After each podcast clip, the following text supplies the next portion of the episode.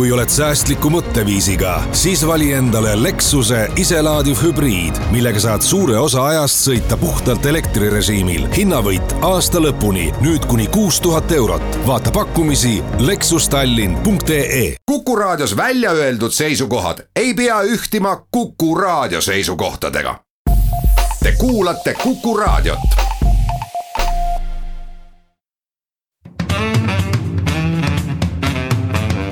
Muuli ja Riikoja.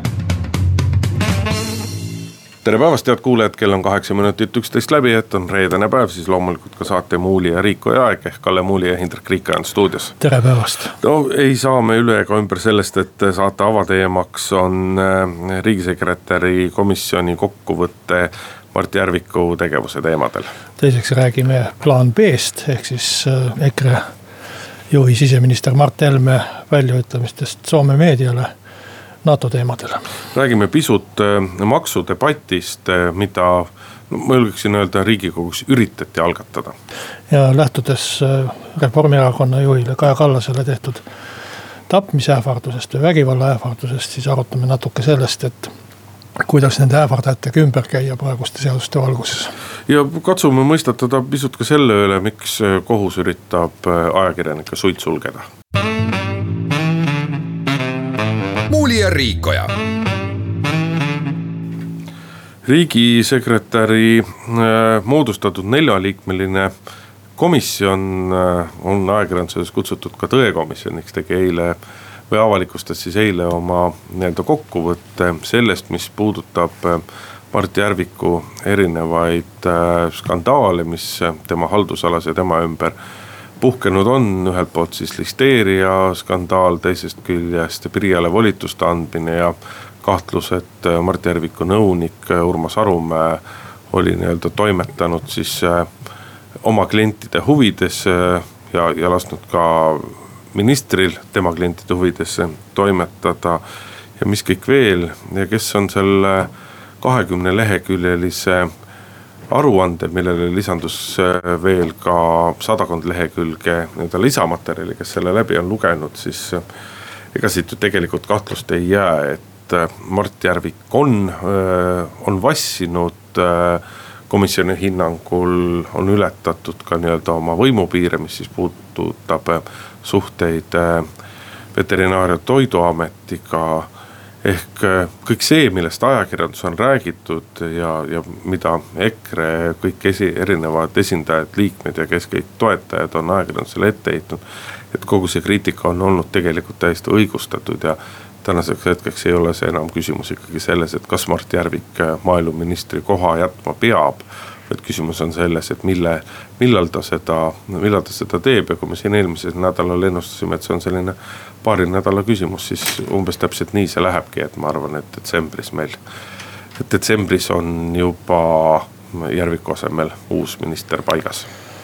nojah, see komisjoni aruanne tuli enam-vähem selline, nagu ma ette kujutasin, et ta on hästi delikaatselt ja neutraalselt sõnastatud.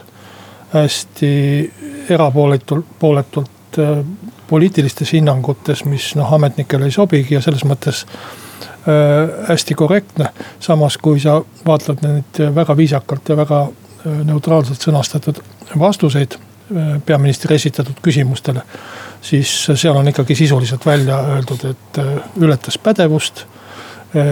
Äh, sai teatud skandaalist teada kaks kuud varem, kui ta on avalikult väitnud ja nii edasi, nii edasi, et tegelikult see, millele nagu kinnitust küsiti sellelt komisjonilt, on ka selle komisjoni raportiga kinnitust saanud. välja arvatud siis see üks küsimus, millele komisjon äh, vastas, et nad ei saa aru, miks Mart Järvik ühes PRIA protsessis andis volituse äh, PRIA-le esindada riiki kohtus ja teises ei andnud. noh, ja selles küsimus tegelikult ju oligi, et, et ühest protsessist püüti siis äh, PRIA-t äh, välja tõrjuda, aga. see, see tõrjumise põhjus ja. oli see, et tegemist oli oli Mart Järviku nõunik Urmas Arumäe klientidega. et nüüd on siis läinud veidi sellist meediapaanikat lahti, et mida veel oodatakse ja mida veel oodatakse, et ma arvan, et ega tegelikult ju midagi ei oodatagi, lihtsalt raport valmis eile ja, ja kindlasti neid otsuseid ei saa peaminister nii langetada, et ta ei räägi oma koalitsioonipartneritega. eelkõige muidugi EKRE-ga, aga ma arvan, et ka kui ta tegutseks ilma Isamaa teadmata, ega see väga viisakas temast ei ole ja nii palju, kui ma tean, ongi see probleem, see ootamise probleem selles, et lihtsalt ei leitud koalitsiooninõukogu kogunemiseks ühist kellaaega varem kui esmaspäeval. no Jüri Ratase eesmärk, ma arvan, ei ole mitte nii-öelda, küsimus ei ole mitte selles, et kas ta tegutseb Isamaa teadmata või mitte, aga ta nagu eeldab ja ootab Isamaast ka nii-öelda selgelt nagu liitlast, sellepärast et eks oma nii-öelda sisemiselt on, on EKRE juhid aru saanud, et neil ei ole muud teed, kui Mart Järviku asemele keegi teine ministriks panna, aga ega seda tunnistada ei taheta. ja ega väga selget otsust, et äh, kas Järvikuga juhtub nii, naa või, või kolmandat moodi, seda otsust ka veel ei ole, aga noh, küll see otsus tekib, sest et laias laastus, mis meil need variandid on.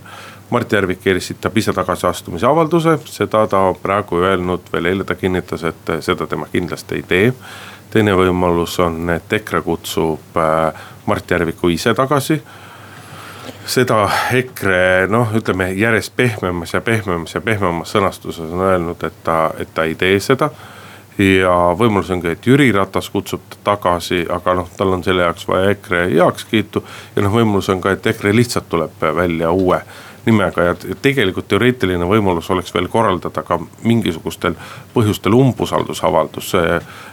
põhjused, nagu sa ise mulle just enne saadet ütlesid, ei tohi kattuda nende põhjendustega, mis viimasel umbusaldusavaldusel olid. aga noh, vajadusel midagi leiab ja siis koalitsioon toetaks seda, aga, aga kõik need on, et suure tõenäosusega jah, läheb ikkagi sedapidi, et EKRE EKRE nagu ise moel või teisel esitab uue kandidaadi, inimest otsitakse, päris paljude inimestega on läbirääkimisi peetud, aga päris mitmed, ma julgen öelda, päris head kandidaadid on on kas õnneks või kahjuks on neitavalt sellele pakkumisele vastanud. jah, no kui nüüd siin rääkida, et mida veel oodatakse ja siis tegelikult ega eh, sellel kiirustamisel ei ole mingit eh, praktilist mõtet. Ma mäletan tõesti aastal üheksakümmend kolm augustis juhtus selline olukord, kus üks minister saatis oma lahkumisavalduse autoga peaministrile ja sõitis siis ära välismaale, kus ta elas ja ei tulnudki enam tagasi äh, aga tänapäeval. tegemist oli äh,. kaitseministriga. kelle nimi oli, tuleta see ka meelde. Ain Rebas, aga äh, tänapäeval ministrivahetused nii ei käi, et äh, see ametis olev minister on ta siis Mart Järvik või keegi teine, on ametis täpselt nii kaua, kui leitakse uus minister ja tuleb, võtab ameti üle. et selles mõttes äh, tegelikult äh, noh, küsimus ongi selles, et millal see uus minister leitakse ja, ja siis äh, saab ka eelmine ametist lahkuda, nii et. nii et kuni uut ministrit ei ole, on ta ametis ka pärast seda, kui, või põhimõtteliselt on ta minister ka kuni selle ajani, kui, kui ta sealt siis oma oma, oma kõigi asjadega alla kolib ja, ja ministeerium üle annab. et ma nagu ei näe sellel eh, hirmsal põdemisel, et kas nüüd täna või homme, kas nüüd täna või homme, kas nüüd kahe tunni pärast eh, mingit mõtet, et eks ta tuleb no, see... korralikult eh, vormistada, eriti kui ta vormistatakse niiviisi. et ta toimub vastu Mart Järviku enda tahet ilma oma tagasiastumisavalduseta. vot eks sellega on nagu nii ja naa, et, et ühest küljest jah, me võime ju öelda, et, et noh, mis vahet on, et kas see juhtub nädal varem või, või nädal hiljem, küsimus on pigem rohkem nagu põhimõtteline, et. et kas tunnistatakse oma vigu, et milline on see, milline on see valitsemiskultuur, kui me niimoodi ütleme, et kas valitsemiskultuur on kümne küünega iga hinna eest oma nii näiliselt või siis sisuliselt oma kohtadest kinni hoida või, või on see valitsemiskultuur selline, et kui midagi läheb rappa, siis seda tunnistatakse ja käitutakse ka vastavalt, et ega võimalus on ju ka see, et äh, tänane päev äh, Järvik esitab tagasiastumisavalduse äh, peaminister viib selle Kadriorgu presidendile, jah küll täna presidenti ei ole. aga, ja siis Järvik on veel ametis nädal või kaks, kuni siis leitakse uus minister ja tema ametisse astub, et, et küsimus on naiivses. mida EKRE kindlasti peaks, millele EKRE kindlasti võiks veel mõelda lisaks uuele ministrile, siis ministriga käivad alati lahutamatult kaasas äh, ka nõunikud, et äh, Mart Järvikul on, on olnud kolm nõunikut, Urmas Arumäe on ise juba nii-öelda lahkunud, tema oli nii-öelda mittekoosseisuline nõunik, siis on nõunikuks veel Mart Ummelas, kes on siis nii-öelda meedianõunik, noh mis kindlasti ei ole ka mitte õnnestunud valik, sest et meedianõunik peaks üks, punkt üks tundma väga hästi meediat, ta peaks väga hästi tundma meedias tegutsevaid inimesi ja ta võiks nendega ka väga hästi läbi saada, et põhjusel teisel või kolmandal Mart Ummelasele kõike seda kindlasti süüks panna ei saa. aga võiks mõelda ka Maido Pajuisikule, et kui me vaatame seda aastatuhandet, siis äh, Rahvaliidule ehk siis EKRE nii-öelda sisuliselt nii-öelda EKRE-le eelmise nimega. ja EKRE-le nüüd siis on kuulunud kolmel korral maaeluministeeriumi maaeluministri või põllumajandusministri ametipost, seda on täitnud Tiit Samsaar, Ester Tuiksoo ja praegu siis Mart Järvik. Tiit Tammsaar lahkus ametist skandaaliga sellepärast, et pihta oli pandud riigi strateegiline viljavaru või osa sellest Ester Tuiksoo küll ameti sai pidada lõpuni, aga sai kahtlustused korruptsioonis ja mõisteti selle eest kohtus ka süüdi ja nüüd siis Mart Järvik. ehk kõik ministrid on, kõiki ministreid on saatnud mingisugune skandaal ja kõigi nende ministri üheks, ministrite üheks ühisnimetajaks on Maido Paju, kes on olnud nende nõunik, et kindlasti EKRE võiks mõelda ka selle peale, et, et võib-olla peaks mõnevõrra paremad ja kvaliteetsemad äh, nõunikud äh, palkama maaeluministrile. aga võimalus on ka muidugi see, et Maidu Pajast tehakse maaeluminister ja siis ei ole. aga eks nõunike, nõunikega ole seesama lugu, mis ministritega, et kui sa ei ole võimul olnud, siis ei ole seda kaadrit äh, välja kujunenud. ja tegelikult ega EKRE siiamaani ei ole oma ministrite vahetamisega viivitanud, nii Mart, äh, Marti oh, ma ei suuda praegu, Kuusik. Kui ka äh, Gerd Kingo said ju vahetatud ikkagi väga kiiresti. no Gerd Kingo puhkes. kindlasti mitte, kindlasti mitte väga kiiresti. skandaali puhkemise järel mõne päevaga. ei noh, skandaal, skandaalid hakkasid Gerd Kingot saatma kohe tema ametisse asumisel, aga teeme siinkohal väikese pausi ja siis läheme saatega edasi. muuli ja Riikoja.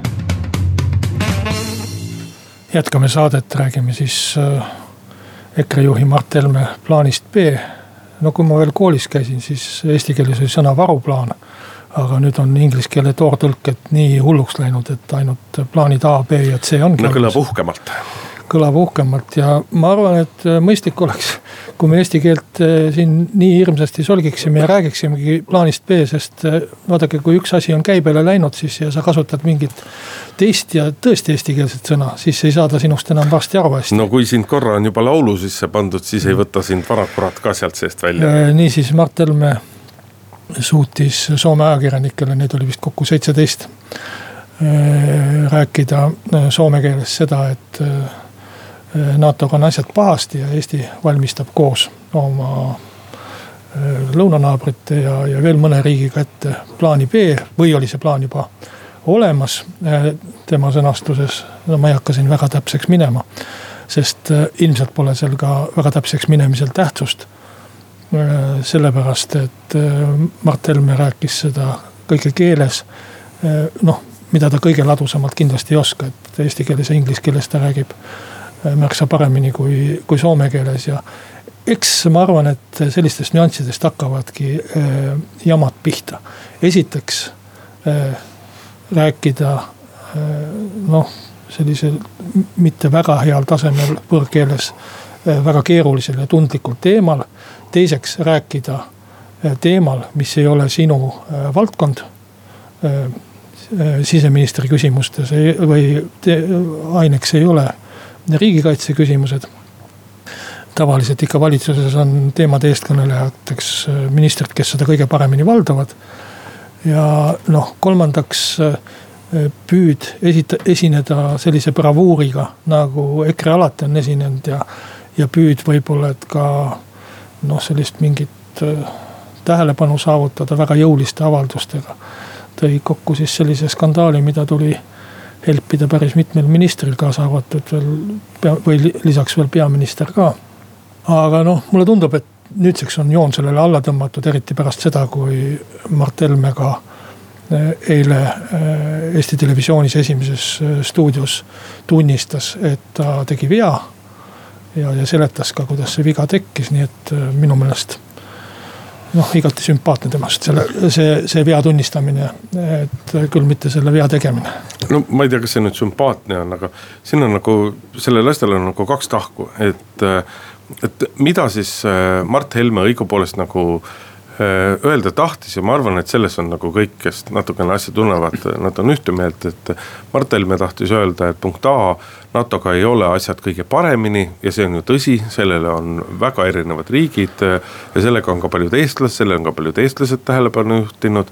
ja et Eesti peaks mõtlema sellele, et, et meil peab olema nii-öelda igaks juhuks nagu mitu, mitu varianti, et, et et mingil põhjusel, kui meile NATO appi ei tule, siis me peame olema valmis selleks, et me saaksime kuidagi hakkama ka ise või siis oma lähimate naabrite toel. ja tegelikult noh, tõde on ka see, et ega ka sellele on ju mõeldud, seda on valmistatud. kuigi seda kõike on tehtud peamiselt NATO egiidi all, et selles mõttes ei saa NATO-t nagu sellest protsessist ära lahutada. aga, teine asi siis on nüüd Mart Helme ütlused ja, ka seda ei ole nagu mõtet nimetada muude nimetajatega kui kui rumalus ja kui arrogantsus ja püüd lihtsalt äh, bravuuritseda. et äh, minu arvates ilmselgelt Mart Helme ei saanud päris täpselt aru sellest, et, äh, et, et mida ta räägib, kuidas ta räägib ja kellele ta räägib. sellepärast, et Eestis noh EKRE-l laiemalt, aga eriti nii-öelda EKRE juhtkonnal on, on tunne, et nemad valitsevad maailma, et nemad valitsevad Eesti riiki ja nemad valitsevad maailma. Neil on suur eeskuju Donald Trump ja, ja, ja, ja siis nad niimoodi talitavad, lärmavad, laiavad ja, ja nii edasi ja nii edasi ja nii edasi. Ja kõike seda võtab ka, et sisuliselt ei räägitagi ju olemuslikult nii valet juttu, küsimus on selles viisis, küsimus on selles väljenduslaadis ja selles, kuidas pärast esimese asjana ei oleks olnud ju midagi lihtsamat, kui öelda, et et vabandust, väljendasin ennast pisut kehvasti, ma ei tahtnud sellest asjast sellist muljet jätta. jumal, lihtsad laused, kõik oleks aru saanud, kogu skandaal oleks olemata. aga ei, esimese asjana tuleb ikkagi öelda, et et äh, ajakirjanikud said minust valesti aru. et sa oled kogenud poliitik, sa tead, äh, et tuleb välja, kogu info tuleb välja, need tekstid, asjad tulevad kõik välja. et see tõde tuleb lõpuks välja, et, et, et ütle lihtsad asjad ja kogu jama on olemata. no minu meelest äh, see jutt, et meil on plaan B ja see jutt, et NATO-ga on pahasti et seda me ei peaks minema rääkima teistele riikidele ja eriti kohtadesse, kus, mis veel ei, ei kuulu NATO-sse. no just nimelt, aga seda ma ütlengi, et kellele sa räägid. kui sul on peres probleemid ja minna rääkima, et ma igaks juhuks, et kuna mul on peres probleemid, minna ajakirjale, kroonikale rääkima. et ma siin naabri Mariga teen plaani B igaks juhuks, et mul on peres probleemid. see ei tugevda su peret, see ei aita su pereprobleeme lahendada täpselt samuti NATO-ga, käia rääkimas, et me teeme siin mingit plaani B. me peame olema plaani A juures ja tugevdama oma NATO-t, mitte teda nõrgestama selliste avaldustega. muuli ja Riikoja Läheme oma saatega edasi, stuudios jätkuvalt Kalle Muuli ja Indrek Riik, räägime nüüd pisut ka maksudebatist, juba mõnda aega on räägitud sellest, et Keskerakond üritab äh, üles tõsta maksudebatti ja. ja ka põhjus selle jaoks on nagu ilmselge, et, äh, riigi rahaline seisukord äh, on pehmelt öeldes kehvakene ja kehvakene just nimelt selles mõttes, et kõike seda, mida justkui avalikkus ja rahvas ootaks, et riik teeks, kõige selle jaoks ei ole ei ole riigil piisavalt rahalisi vahendeid ja, ja, ja tegelikult tuleks ära otsustada see, et kas me ootame riigilt vähem ja nii-öelda elame sellise maksukoormusega, nagu me tänasel hetkel elame. või me ootame riigilt rohkem ja oleme ka omalt poolt valmis läbi erinevate maksude rohkem ka nii-öelda riiki panustama. kui me nüüd seda vaatame neid ettekandeid ja, ja neid arutelusid, mida riigikogus peeti, siis ega me nüüd midagi liiga palju uut sealt teada ei saanud, räägiti peamiselt sellest, et mida teha ühe või teise või kolmanda maksuga. aga nii-öelda mingisugust laiemat ja suuremat plaani või, või, või mingisuguseid visioone ja viiteid laiemale, suuremale plaanile me sealt ei näinud ja. ja ka ausalt öeldes riigikogu ees ei seisnud just ju ka erilisi visionääre.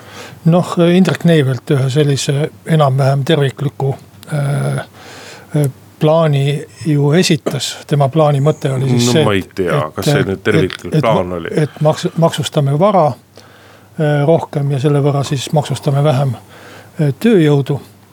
ja see, see lähtus siis sellest, et aastal üheksakümmend kolm, kui põhimõtteliselt Eestis praegused maksuseadused või see maksukeskkond loodi, mis noh, mõningate muudatustega on püsinud siiamaani et, et siis ei olnud äh, tegelikult erakätes mingit vara, mida maksustada.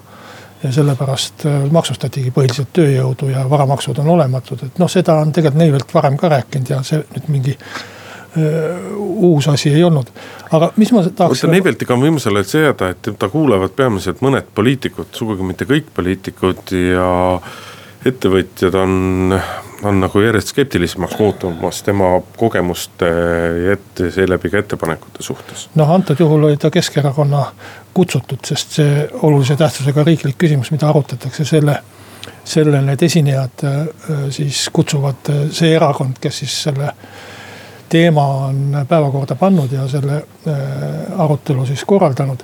aga mis ma tahaks selle maksudebati juurde ütelda, paar, paar sellist, sellist selget avaldust et äh, juba olen lugenud kuskilt ajakirjandusest, et nüüd Ratas või Keskerakond tahab makse tõsta. no selle peale ma ütleksin äh, natuke poliitikat näinud inimesena, et kui tahetakse makse tõsta, siis tõstetakse makse. see tähendab, tehakse see asi kiiresti ära, sest ühelegi äh, poliitilisele erakonnale ei ole, ei tule kasuks pikalt seda asja siis menetleda ja, ja venitada. praegu on algatatud mingi debatt ehk äh, selline jututuba. mis tähendab seda, et mingit konkreetset maksutõusu plaani ei ole olemas. et praegu tahetakse rääkida, mitte makse tõsta. ja ma arvan, et see rääkimine on suunatud Keskerakonna valijale.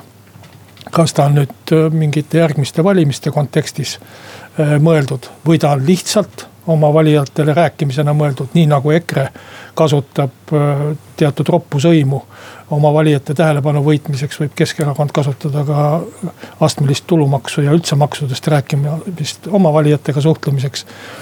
et praegust on selgelt tegemist rääkimisega, mitte sellega, et tahetakse üht või teist konkreetset maksu tõsta. et maksutõusud tehakse kiiresti, vaikselt ja, ja võimalikult valutult. või, või ütleme võimalikult ilma venitamiseta ära, nii et see, seda tõlgendust, et see maksudebatt on suunatud konkreetselt mingi maksutõusu ette, ettevalmistamisele. seda ma kohe kindlasti ei usu, et see tundub nii poliitilise loogika vastane. Keskerakonna ettepaneku juures minu arvates kõige suurem viga või, või, või häda ongi selles, et, et Jüri Ratase eestvõttel jah, räägitakse sellest nii-öelda maksureformi vajalikkusest. aga kui sa tuled sellise, sellise jutuga välja, siis sul võiks olla esimese kapitalina endal kaasas ka mingisugune nii-öelda reformipakett. Ja reformipakett, mis tõepoolest pakett on, mis ei tähenda, mis ei räägi ainult mõnest üksikust maksust.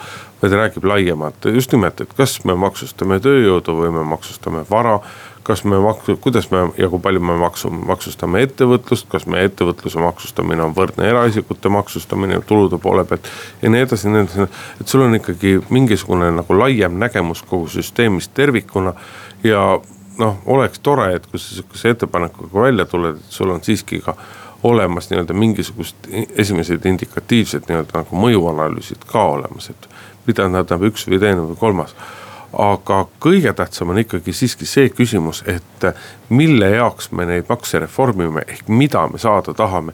ja seda kokkulepet ei ole meil ju tegelikult siiamaani, siiamaani olemas, et kas me tahame saada rohkem riigiteenuseid ja oleme valmis selle eest rohkem maksma. Või me ei taha nii-öelda oma praegust maksukoormust muuta ja me tõmbame need riigi, riigiteenuseid kokku, sest et noh, lõputult elu lihtsalt näitab, et see ei käi niimoodi. kuigi ega siin sõltub ka alati nagu võrdlusbaasist, et noh, klassikaline, millest alati räägitakse, on see, et. oi, me maksame nii palju sotsiaalmaksu, aga näed, kui ma tahan arsti juurde saada, siis ma pean ootama, ma ei tea, mitu kuud või pool aastat või. mis kõik on nagu tõsi. ja siis räägitakse sellest, kuidas, aga vaata Soomes, aga vaata Rootsis, aga vaata seal teises-kolmandas kohas. tegelikult kui rääkida Eesti inimestega, kes elavad teistes riikides, siis nad ütlevad kõik üksmeelselt, kui me mõtleme sellele, mida pakub meile riik selle juures, mida me maksame, siis riigi poolt pakutava arstiabiteenuse kvaliteet on väga hea.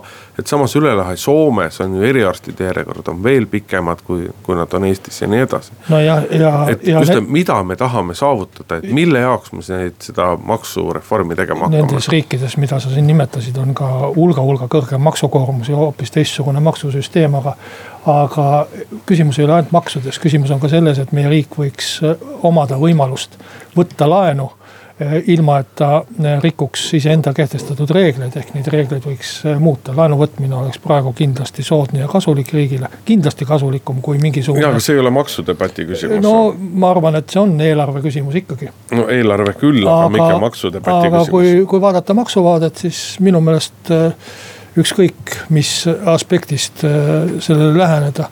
Äh, eriti kliima või, või loodushoiu aspektist, äh, siis kõige, kõige olulisem oleks vähendada või, või vähendada tarbimist ehk suurendada tarbimismakse. ja, ja, ja mis meil maksudest vähendamist vajavad, on, on tööjõumaksud.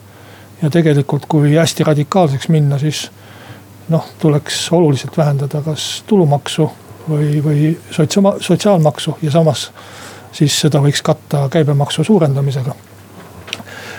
ma olen vaadanud, et tulumaksu osakaal riigieelarves on nii väike ja käibemaksu osakaal nii suur, et kui suurendada kahe-kolme protsendi võrra käibemaksu kahekümne pealt näiteks kahekümne kolme peale, siis võiks tulumaksu määraks panna null tulumaks võiks üldse ära kaotada.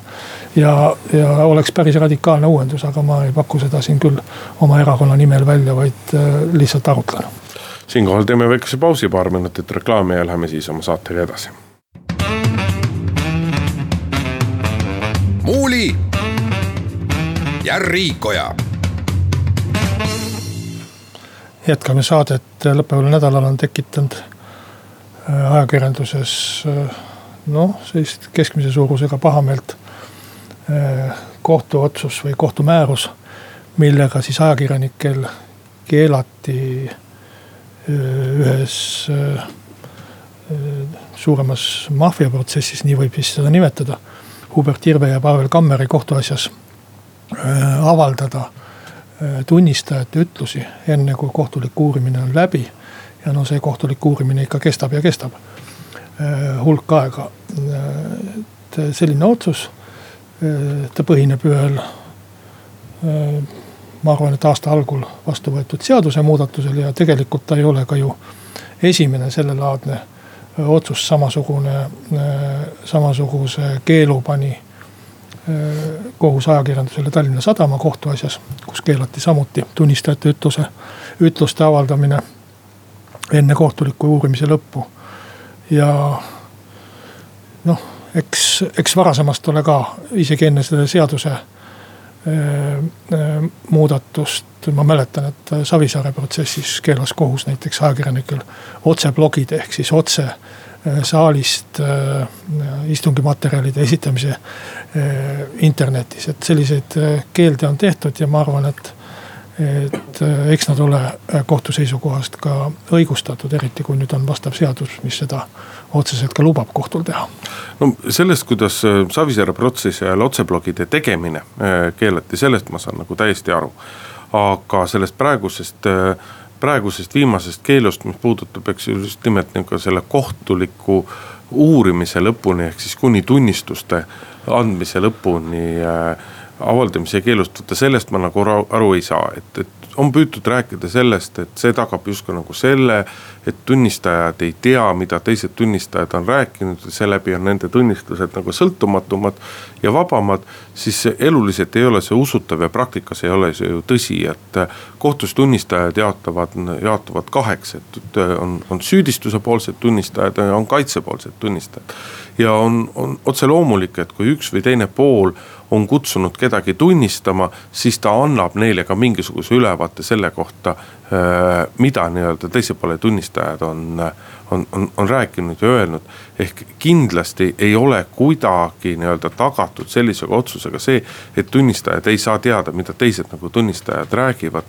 ehk, äh, ehk see on küll keeld, millest tegelikult nagu kasu ei ole. et miks seda, miks seda vaja on, et kui te ei taha avalikustada, siis jah, ma saan aru, et on mingisugune seadusemuudatus, mida tänasel hetkel keegi enam ei taha õigeks eh, omaks võtta, et kust kohast see pärit on ja kelle algatusel see järsku nii-öelda ühe muudatusettepanekuna seadusesse sisse tuli. aga et, et, et kui, et istung on kas kinnine või on avalik ja, ja nii lihtne see ongi tegelikult seadus lubab seda teha. ei, ei, ma ütlengi, et seadus lubab seda teha, aga, aga see luba on nagu jabur. et mis ta, mis on tema eesmärk ja mis on tema mõte? tema eesmärk on see, mis on tegelikult äh, kogu aeg tunnistajatel olnud, mina olen äh, kohut istunud äh, rahva kaasistujana juba nõukogude ajal. ja täpselt samasugune reegel kehtis ka siis, et tunnistajaid ei lubatud teisi tunnistajaid ei lubatud saalis olla sel ajal, kui keegi oma tunnistust annab. Nad olid äh, ukse taga parimal juhul või kuskil kaugemal. Äh, ja selle mõte on just see, et kui sa kuuled ühe tunnistaja tunnistust, siis mitte ainult see, et nüüd ma tean, mida rääkida, vaid see tunnistus ise võib sind mõjutada. kui keegi räägib, et ma nägin seda ja seda ja seda ja seda ja su enda mälus ei ole see pilt väga selge siis see võib ka mõjutada need, neid detaile. ja, ja inimlikult ja psühholoogiliselt on see mõistetav, et sa, sa püüad oma tunnistust sobitada kokku öö, olemasolevate tunnistustega. või, või juba kuuldud tunnistuste või teiste inimeste jutuga, isegi siis, kui see ei ole pahatahtlik, vaid see ongi inimese mälu eripära. jah, aga esindajad ei ole ju isoleeritud selle kohtuprotsessi ajaks nii-öelda muust maailmast ja, ja, ja ma ütlen veel kord, eks ole, et, et selge see, et kaitsja kaitsja räägib oma osadele tunnistajatele sellest, mida on süüdistuse poolsed tunnistajad tunnistanud, et seda, seda infot ei ole võimalik, seda infot on võimalik kinni hoida nii kaua, kui see, kui see kohtuistung käib ja, ja näiteks advokaadid ei ole kohtusaalist välja tulnud, aga nii kui nad on välja tulnud, nii ei ole ju mõtet enam sellest rääkida, et see info, et selle info saladus on nii-öelda nagu tagatud ja et eh, kui me nüüd ajakirjanikele ei luba sellest kirjutada, et vot siis on ta tõeliselt tagatud, et ja, ei ole nii. et praegu nii-öelda nii-öelda nagu ühel osalisel, kui nii võib öelda, võetakse õigus rääkida ja oma tööd teha, et aga teistel on, on, on kõik need võimalused olemas. ei, ajakirjanik kindlasti ei ole kohtuprotsessi osaline, aga öö, loomulikult seal on mitte ainult kohtuprotsessi osalised, vaid ka pealtvaatajad võivad seal olla. istung on ju avalik, kõik võivad minna kuulama ja kõik võivad ka pärast rääkida, aga ega see vahendatud jutt just selle mälu mõjutamise mõttes ei, ei ole ikkagi päris see, mis sisuliselt ajakirjaniku poolt üks-ühele üles riputatud jutt või, või isegi äh, video või mis iganes.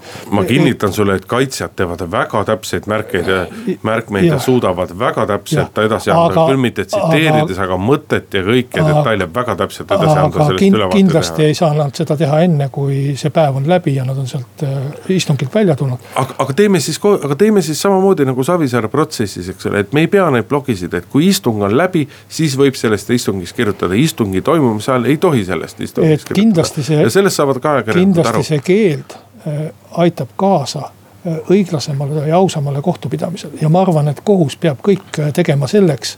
praktikas et, ma ei saa sellest aru, kuidas ta aitab kaasa. et vähendada tunnistajate võimalikku mõjutamist ja, ja ma arvan, et, et see on päris tõsi, et seda probleemi ei olnud varem, kui ajalehed ilmusid äh, harva seal oli ruumi vähe, seal ei trükitud praktiliselt tunnistajate ütlustest mitte midagi ära, sellepärast et ei olnud jäta kuhugi panna. jäta nüüd, mis sa räägid, kõigil lehtedel olid ju, kõigil lehtedel olid ju oma kohtureporterid, noh Tiiu Põld neist üks legendaarsemaid Postimehes, mõlemad oleme koos Tiiuga töötanud. ja, ja ilmusid suured, põhjalikud ülevaated olulistest protsessidest, samamoodi nii nagu võin, nüüd lehes Tiiu tsiteeris, kirjeldas täpselt filigraanselt kirjutatud suurepärased meistritööd ajakirjanduslikus aga nad ei ilmunud äh, samal ajal, kui äh, teised inimesed tunnistusi andsid. Tiiu oli. Äh, jooksvalt tehti ka suurtes protsessides Indrek, tehti jooksvalt. mina, mina olen Tiiu ülemus olnud ja no. ma olen Tiiuga koos töötanud ja neid lugusid lehte pannud. Tiiu arvestas väga sellega mida äh, kohtuprotsessil võis ja mida ei võinud, et ta tundis suurepäraselt no, neid asju. ja olidki kohtureporterid, kes oskasid selliste asjadega arvestada. et nüüd see kahjuks nii ei ole enam ja, ja olukord on muutunud ja kohus peab ennast kaitsma. selle eest, et äh, tunnistajaid võidakse mõjutada ka läbi ajakirjanduse. nojah, aga vaata, aga, aga selle ajakirjandusele seatud keeluga noh, reaalselt ei kaitsta. reaalselt kaitstakse, sellepärast et äh, need tunnistused ei ilmu enne, kui kohtulik uurimine on lõppenud. Muuli ja Riikoja solvamisest pidime ka rääkima ruttu. see ei olnud solvamine, see oli ähvardamine. või ähvardamine, et viimasel ajal on palju kõneid pakkunud see, mida on öeldud eh, või mida õigupoolest kirjutati Kaja Kallasele sotsiaalmeedias, mille eest ta tegi ka avalduse politseisse, noh, me ei hakka siinkohal tsiteerima, ma usun, et kuulajad lepivad, kui me ütleme, et. et tegemist oli ropu ja rõveda sõimuga, mida, mida ükski nagu normaalne ja mõistlik inimene ei tohiks äh, teise inimese kohta ei oma nime all ega anonüümselt öelda. ja tegelikult küsimus ei ole ainult Kaja Kallases, küsimus on laiem, neid näiteid viimastest aastatest sotsiaalmeediast leiab ridamisi. valdavalt jäävad selle sõimu ohvriks ja nende ähvarduste ohvriks naisterahvad, aga tehakse samamoodi ka meesterahvastele. ma hakkasin ise ka vaatama praegu oma Facebooki seina pealt, kas ma leian midagi üles. aga noh, sinna on ka kirjutatud igasuguseid asju, ma olen reeglina nad ära kustutanud ja, ja neile suuremat tähelepanu mitte pööranud mina ei tahaks leppida päris hästi äh, politsei praktikaga, kus, äh, kus nii-öelda meil on üksi, väga üksikud näited sellest, kuidas reaalselt nende inimestega midagi ette võetud, et on mingisugust menetlust alustatud, et et siin oleks vaja, see ei kõla hästi, aga tegelikult sellistel puhkudel näidispoomistest on abi. Äh, seda ei saa teha, sellepärast et seadus keelab seda. seadus ütleb, et ähvardamise puhul ja see ei ole ainult tapmisega ähvardamine, vaid ka tervisekahjustuse või, või vara hävitamise ähvardusega. on kriminaalkaristus ainult sel juhul, kui on alust karta ähvarduse tegelikku täideviimist ja kui sellist alust ei ole karta, siis politsei ei saa midagi teha, politsei täidab seadust. no võib-olla oleks siis paslik ka seadusemuudatusele äh, mõelda, nii nagu seda näituseks kohtuistungite kajastamisel on tehtud. noh, Kaja Kallase juhtum ei ole millegi poolest eriline, et selles mõttes Eestis on ähvardatud nii poliitikuid, ajakirjanikke, avaliku tegelase, elutegelase küll. aga sellest on saanud normaalsus ja see ei ole normaalne, et sellisest asjast ja, on saanud normaalsus. ma olen sinuga nõus, aga ma ei ole nõus võib-olla sellega, et see peaks olema kuritegu võib-olla peaks see olema väärtegu ja väärteo eest karistama. et äh, kui me arvestame sellega, et igasuguste solvamiste laimamiste eest saab tsiviilkorras äh, kahjutasu nõuda et siis peaks olema ka sellise ähvarduse eest, ma leian, mingi, mingi rahaline karistus mingisugune mõjutusvahend, aga see, selle olukorraga ma olen sinuga päri, ei, ei peaks leppima, et üldse mitte midagi ei juhtu nende inimestega. et see on no, väga praegu paremal juhul käib politsei ja vestleb selle inimesega, annab, annab, annab talle signaali, et, et, et, et sul hoitakse silma peal, et sinu teod ei jää anonüümseks. nojah, aga see inimene küsib, et olla. mis te siin vestlete, et kas on mingi kriminaalasi või mille peale politseinik ütleb, et meil ei ole mingit kriminaalasja. Aga jah, ma arvan, et midagi peaks tegema, et see ei peaks jääma nii, et, et üldse mingit karistust ei ole, aga, aga teha inimest selle eest kurjategijaks, et ta vihahoos ütleb, et ma lööks su maha. et see on ka natuke nagu liig, aga mis ma veel tahan ütelda Eesti ühiskond ei ole tige ja kuri. see, see jutt, mis nüüd on läinud selle ühe ähvardamisega lahti, et see on igas ühiskonnas on seda. no natuke ikkagi on, aga teeme siinkohal sellele saatele peame joone alla tõmbama, Kalle Muuli, Hindrek Riik olid stuudios ja nädala aja pärast kuuleme jälle. muuli ja Riikoja